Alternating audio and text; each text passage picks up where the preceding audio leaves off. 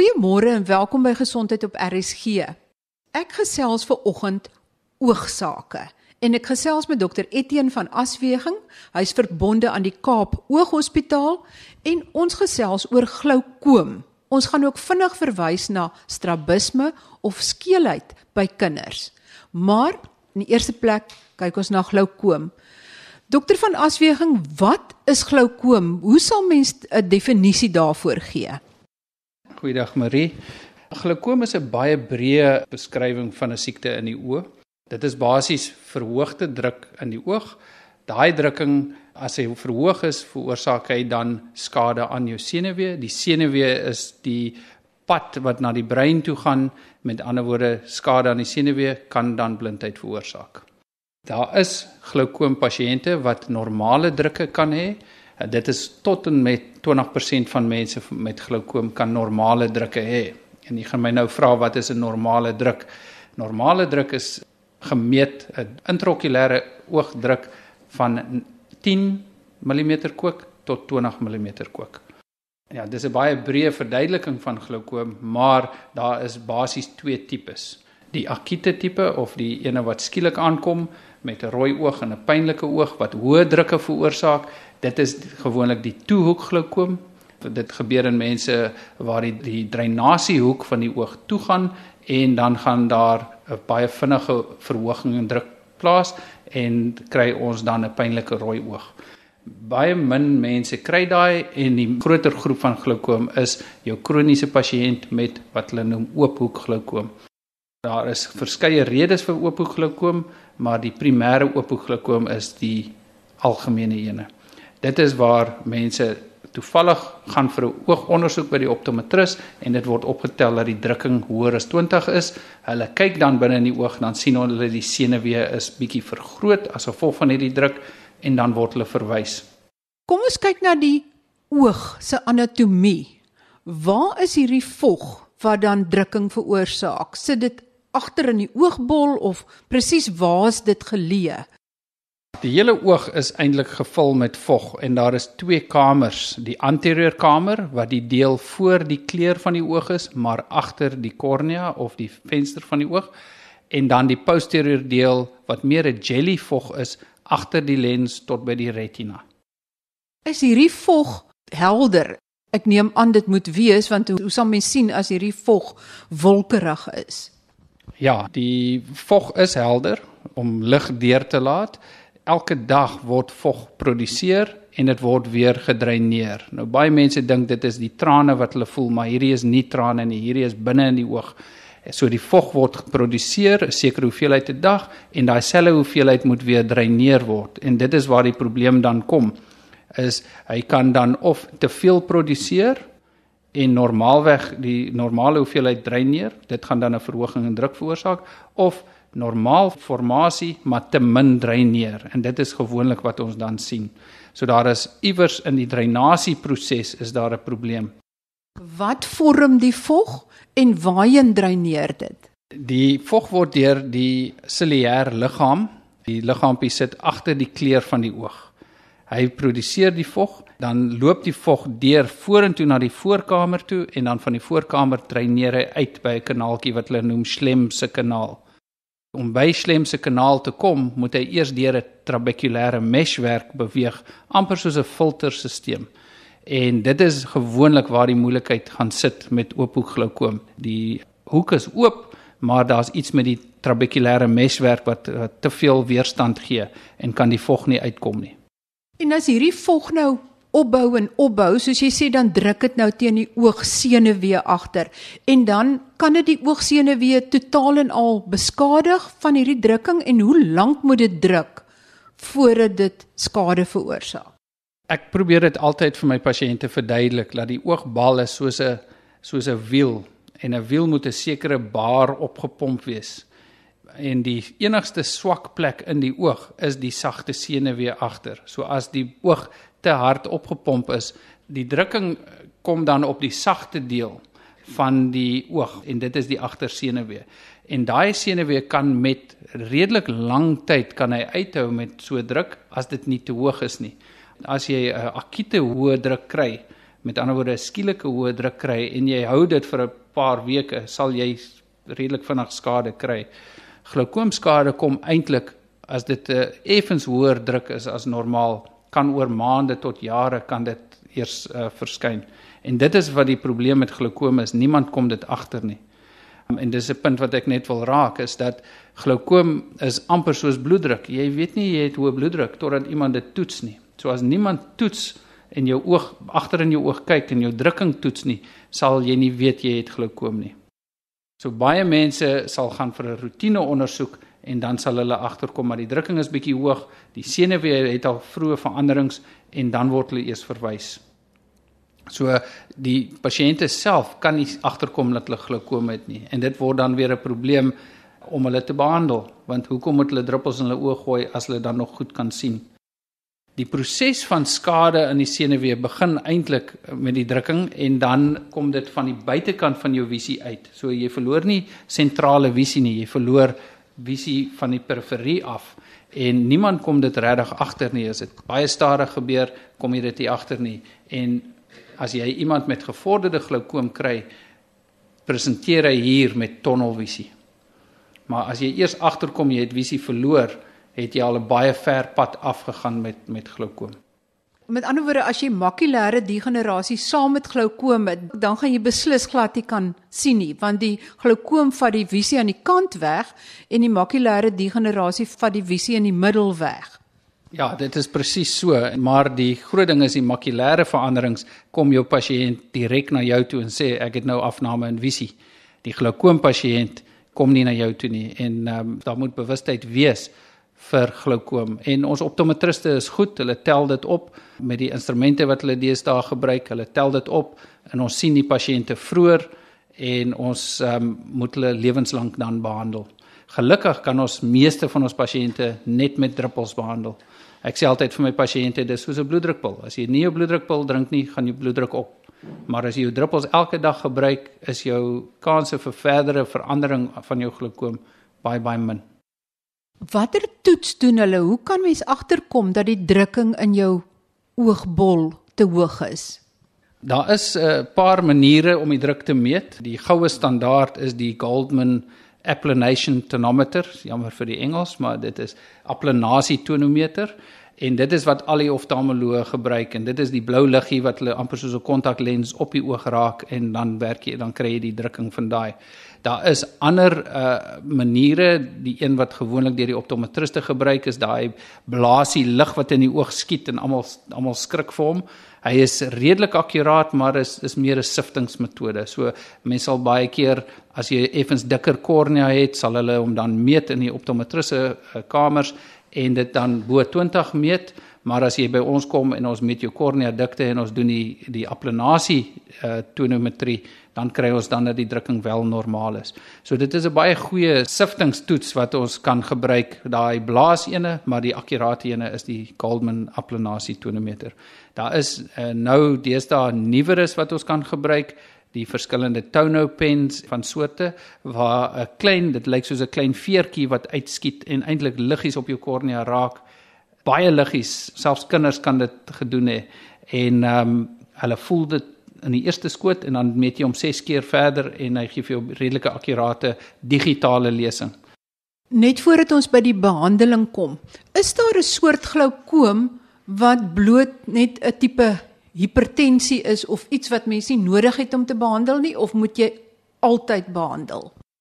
Marie, dis 'n baie goeie vraag. Net voor ek daaraan raak, wil ek net sê dat die een ding wat ons nie oor gepraat het nie is glaukoom is daar 'n familiale tendens. Daar is verskillende syfers, maar die gemiddelde syfer is as jy primêre oophoekgloukoom het, is die kans 10% dat jou kinders dit kan hê. Dit is die breë syfer wat ons gebruik. Die ander risiko's is mense wat baie versiende is of hipermetrope, met ander woorde klein oë waar die drainasiehoeke nouer is en diabetes het ook 'n verhoogde kans en soos ek sê familiale geskiedenis is sekerlik jou grootste trauma en beserings van die oë kan ook 'n sekondêre glaukoom ook veroorsaak. So mens kry 'n tipe drukverhoging in die oog waar die druk hoog is of redelik hoog is maar daar geen senuweeskade is nie en dit was tradisioneel altyd okulêre hipertensie genoem. Dit is nog steeds nie heeltemal seker is dit okulêre hipertensie en hoef jy nie te behandel nie of is dit vroeë glaukoom wat nog nie skade gekry het nie.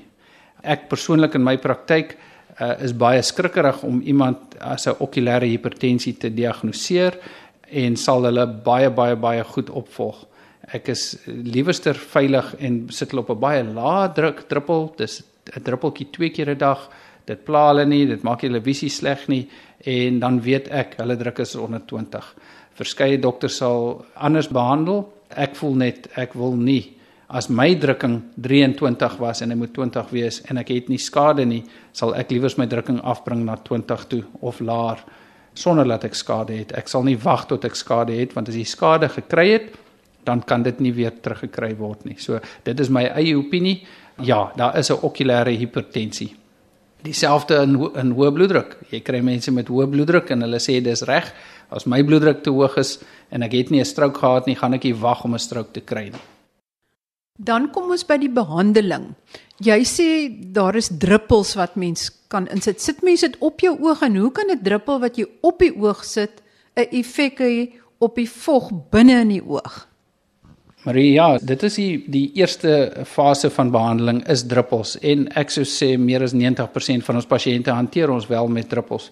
Ons kry verskillende tipes druppels, verskillende werke, maar basies praat ons van druppels wat die uitvloei vermeerder, so die trabekulêre meswerk uh, uitvloei vermeerder en die ander is wat ek van praat is om die cellulêre liggaam se krane bietjie toe te draai, so die produksie te verminder. So weer eens selfe rede vir glaukoom is jy wil die produksie verminder of jy wil die uitvloei vermeerder. So meeste van ons druppels kan die krane toemaak. Daar is sekere van ons druppels, die prostaglandine wat die uitvloei uh, uh, fasiliteer. Uh, maar die uitvloei maniere is meer die tweede fase en dit is die chirurgiese metode. So as ons nie met druppels kan regkom nie of as ons nie die drukking laag genoeg kan kry nie, dan kan ons oorgaan na chirurgie toe. Die tradisionele manier om drukking te verlaag is om 'n uitlaatklep te bou uit die weefsels wat ons het, wat ons 'n trabekulektomie noem. Daar is verskeie maniere van trabekulektomie, maar hy is die goue standaard nog altyd gewees. Deesdae gebruik ons voordat ons by groot chirurgie kom, is daar ander maniere om die uitvloei te verbeter, onder andere die uh, eye stent Ek was bevoorreg om 'n paar jaar terug pas genooi uit Armenië toe om te gaan leer oor die nuwer uh, tipe glaukoom operasies wat ons in Engels MIGS noem, M I G S wat minimale indringende glaukoom chirurgie sou vertaal. MIGS, so met ander woorde 'n klein stent in die oog insit wat baie min skade aan die oog doen, nie so groot soos die tradisionele trabekulektomie nie en wat redelik goed werk. Ek doen dit nou al die laaste 4 tot 5 jaar met redelik goeie sukses. Die lekker ding van van die een wat ek daar geleer het wat ons noem die eye stent, hy word gedoen saam met katarak chirurgie. So as jy klaar jou katarak operasie gedoen het, gebruik jy dieselfde wond, jy draai net die kop effens skuins en jy sit hom in en dit is 'n stent. Ek verduidelik vir my pasiënte amper soos die kardioloog hartstent insit. Hierdie is 'n stent wat deur die trabekulêre meshwerk gaan sodat jy 'n beter vloei deur tot by jou slemse kanaal. So dis 'n kortsluiting na jou slemse kanaal. So dit is al so 4 of 5 jaar in Suid-Afrika wat ons dit wel doen met goeie resultate. En dan is daar uh, verskeie nuwe tipe uh, minimale indringende chirurgie wat nog nie heeltemal getoets is nie, maar ook amper soos 'n uh, uitvloei kan doen na die buitekant van die wit van die oog wat ons die een wat ek nou onlangs begin gebruik het is die Zen wat redelike goeie resultate het. Ek verduidelik vir my pasiënte dis amper soos om 'n slow puncture in die oog te sit want hy dry neer stadig heeltyd en hy hou die drukking dan redelik laag. Maar jou groot standaard as daai kleintjie klein operasies nie werk nie, moet mens nou na die groter operasies toe gaan, die trabeculektomie met of sonder 'n klein taal shunt. So ons ons doen redelik baie van die operasies, maar ons verkies om dit te hou vir pasiënte wat nie op druppels hanteer kan word nie.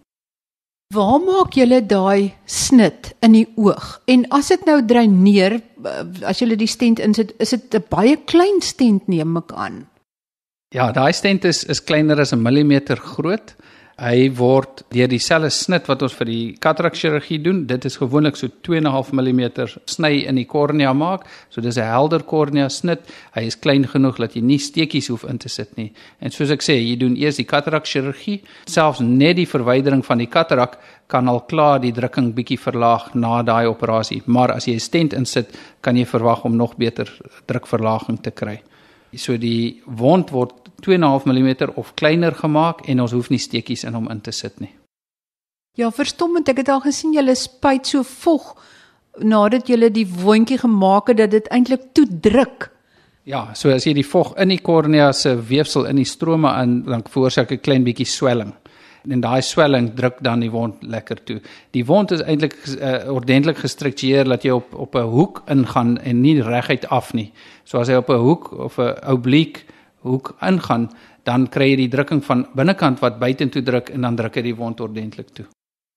Jy het gesê omtrent 90% van pasiënte reageer op die druppels. As jy dan die stent moet insit of dit chirurgies moet herstel, is dit suksesvol in die meeste van daai oorblywende 10%?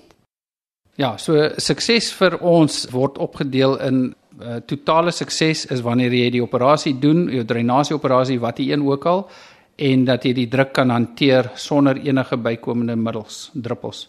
Dit is 'n totale sukses. 'n Gedeeltelike sukses is wanneer die drukking wel af is, maar nie laag genoeg nie en dan moet jy druppels weer gebruik. So ek sê vir al my pasiënte, veral met die eye stent wat ek insit, daar gaan 'n moontlikheid wees dat ons een of twee van jou druppels kan verminder, maar dis nie te sê jy gaan totaal sonder druppels wees nie.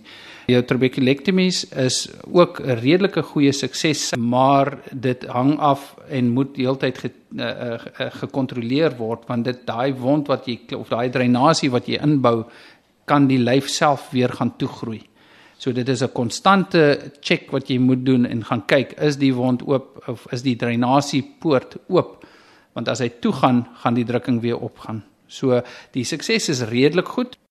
Onlangs was daar 'n groot probleem in Noord-Kaap omdat daar nie oogdruppels vir glaukoombehandeling beskikbaar was nie en toe moes hulle 'n tipe generiese oogdruppel gebruik. Werk generiese oogdruppels in die behandeling van glaukoom? Marie, ons sien nou in die laaste paar jaar 'n redelike 'n groot 'n uh, hoeveelheid generiese middels wat inkom. En en aanvanklik is ons almal redelik negatief teenoor generiese middels, maar as ons in die breë spektrum kyk, die generiese middels gee vir ons redelik meer koste-effektiwiteit, maar die groot probleem is ons weet nie wat is die effektiwiteit van die werking van daai druppel en dit is vir my belangrik. So jy kry 'n generiese middel wat basies die regte middel naaap, maar hy het ander bestanddele ook in hom in. Daai bestanddele kan dan vir jou ander neeweffekte gee, soos meer krapperigheid in die oë, meer rooiheid in die oë, maar die groot ding gaan oor of dit effektief is. So in my praktyk werk ons as jy op 'n generiese middel wil gaan of as ek op 'n generiese middel sit, dan moet jy baie baie goed dopgehou word. Eerstens werk die middel dieselfde as die een wat hy nou net vervang en tweedens het jy enige neeweffekte. My probleem kom by die mediese fondse op hierdie stadium wat dan vir pasiënt nie 'n keuse gee nie. Hy moet generiese middels vat en hy neem dan daai middels en as hy by my kom na 6 maande was dit nie effektief nie. So enige iemand in my praktyk wat oorgaan na 'n generiese middel, het ek nie 'n probleem daarmee nie, solank ek hom kan opvolg en seker maak dat die middel werk en dat daar nie ander neeweffekte is nie. Ek dink ons moet verstaan dat ons finansiëel ook moet kyk na ons medisyne en as die druppel werk, veral die druppel, maar as die druppel werk en hy is koste-effektief, dan het ek nie 'n probleem met generiese middels nie. Dokter van Asweging, as jy nou 'n boodskap het vir die luisteraars oor glaukoom, wat sal dit wees? Ek sou sê die mense wat wel glaukoom het, behoort al te verstaan wat is hulle siekte en hulle druppels wel goed te gebruik die wat familiegeskiedenis het van glaukoom moet gereeld gecheck word, uh, drukkings gecheck word en die wat gereeld uh, briltoetse kry sal bytendien uh, deur die optometris gesien word. Dit is daai groep wat nie bril dra nie, wat oor die 30 jaar oud is, uh, wat nooit bril dra nie, wat nooit by toetse uitkom nie. Iewers moet iemand hulle sien vir 'n glaukoomtoets. Al is dit een keer elke 2-3 jaar. Ja, mens weet nooit wat jou kan tref nie of wat daar in jou gene broei nie. Dokter van Asweging, dan wil ek net vinnig raak aan strabisme. Nou dit is die mediese naam vir skeelheid. As 'n baba gebore word en die ouers kom agter die kleintjie se oë kyk oor mekaar, moet hulle iets daaraan doen of moet sal dit van self regkom? Marie, dit is 'n baie goeie vraag. Ons sien in baie klein babatjies wat gebore is dat die oë nou reguit kyk en hulle kyk vir mamma en dan as hulle weer kyk is die oogie weer bietjie ingedraai en dit is 'n varierende wat ons praat van 'n varierende hoek. Dit kan die babas in die eerste 6 maande ontgroei. Wat die probleem is is wanneer die oog glad nie werk nie as daar iets groter in die oog is, as daar dalk 'n katarak in die oog is of 'n 'n groeisel in die oog is wat daai oog glad nie gebruik word nie en dan sal daai oog ook nie deur die brein reguit gedraai word nie. So sou mens 'n uh, oog kry wat heeltyd indraai of heeltyd ingedraai bly wat nie varieer nie, dan sou ek sê moet ons liewerster veilig wees en laat 'n oftalmoloog daarna kyk. Maar hierdie klein uh, hierdie klein variasies in hoek as jy nou kyk en die oog is reguit en dan is hy effens skeel en dan is hy weer reguit daai het ons tyd om dop te hou vir die eerste paar maande, maar ek sou sê as daar enige twyfel is, is dit altyd goed. Uh as jy onnodig na die oftalmoloog toe gaan en hy kyk, sal hy sê dit lyk vir hom reg, maar kom ons kyk weer oor 6 maande. Maar as jy eers na 6 maande of 'n jaar of 3 jaar kom en dan en hy moes gesien geword het, dan het ons tyd verloor. Ek sal op 'n latere geleentheid in meer diepte gesels oor skeelheid en die presiese behandeling daarvan. Baie dankie aan my gas Dr Etienne van Asweging, oogarts verbonde aan die Kaap Ooghospitaal wat sy kennis oor glaukoom met ons gedeel het. En laat maar gereeld jou oogtoetse doen sodat daar betyds vasgestel kan word of jy aan hierdie verhoogde oogdruk in jou oog ly al het jy geen simptome nie. Gaan kyk ook op die webwerf na sketse en illustrasies van hoe iemand sien wat glaukoom het, hoe dit jou visie beperk en ook hoe dit werk. Ons kom dan by week 10 van ons doen dit net aksieplan. Week 10 se kopplan. Om gesonder te eet kan jou verouderingsproses vertraag want gesonde kosse kan kroniese laaggraadse inflammasie wat verband hou met verskeie siektes verminder. Siektes soos hartsiektes, Alzheimer, artritis, diabetes, al hierdie siektes hou verband met die inflammatoriese proses en groente, vrugte, neute, vis met donker vleis soos sardyne, tuna, salm, forel en makreel wat ryk is aan omega-3 vette, volgraankosse, hoë rieveselkosse en gesonde olie soos canola, olyfolie, amandelolie en avokadoolie kan hierdie inflammatoriese prosesse verminder. En natuurlik kan kosse soos verfynde koolhidrate, lekkers, koekies, terte, soetgebak en rys, diervette, diepgebraaide kosse weer die inflammatoriese prosesse aanskakel. Groente en vrugte is die natuur se antioksidant en eintlik 'n vitaminpil. Voeg ons nou oefening om jou maag en rugspiere te versterk. Dit is jou core muscles of jou kernspiere. Dit is die eerste belangrike spiergroepe wat versterk moet word. In week 10 se eetplan fokus ons op olies en vette. Want daar is slegte vette en goeie vette en versadigde vette is ongelukkig slegte vette. Dit is hoofsaaklik diervette van vleis en botter en stadig oor die klippe met hierdie vette want mense wat binne bloedvetvlakke neem beslis toe. Daar dryf beslis meer vette in jou bloed en dit verhoog beslis jou kans op 'n hartaanval. Beperk dus jou diervette en klappervette tot 'n maksimum van 10 gram of 10 ml per dag. Dit is 2 teelepels.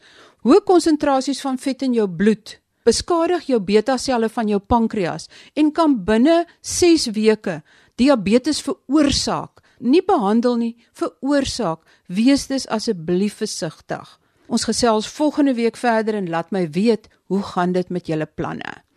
Tot volgende week. Totsiens.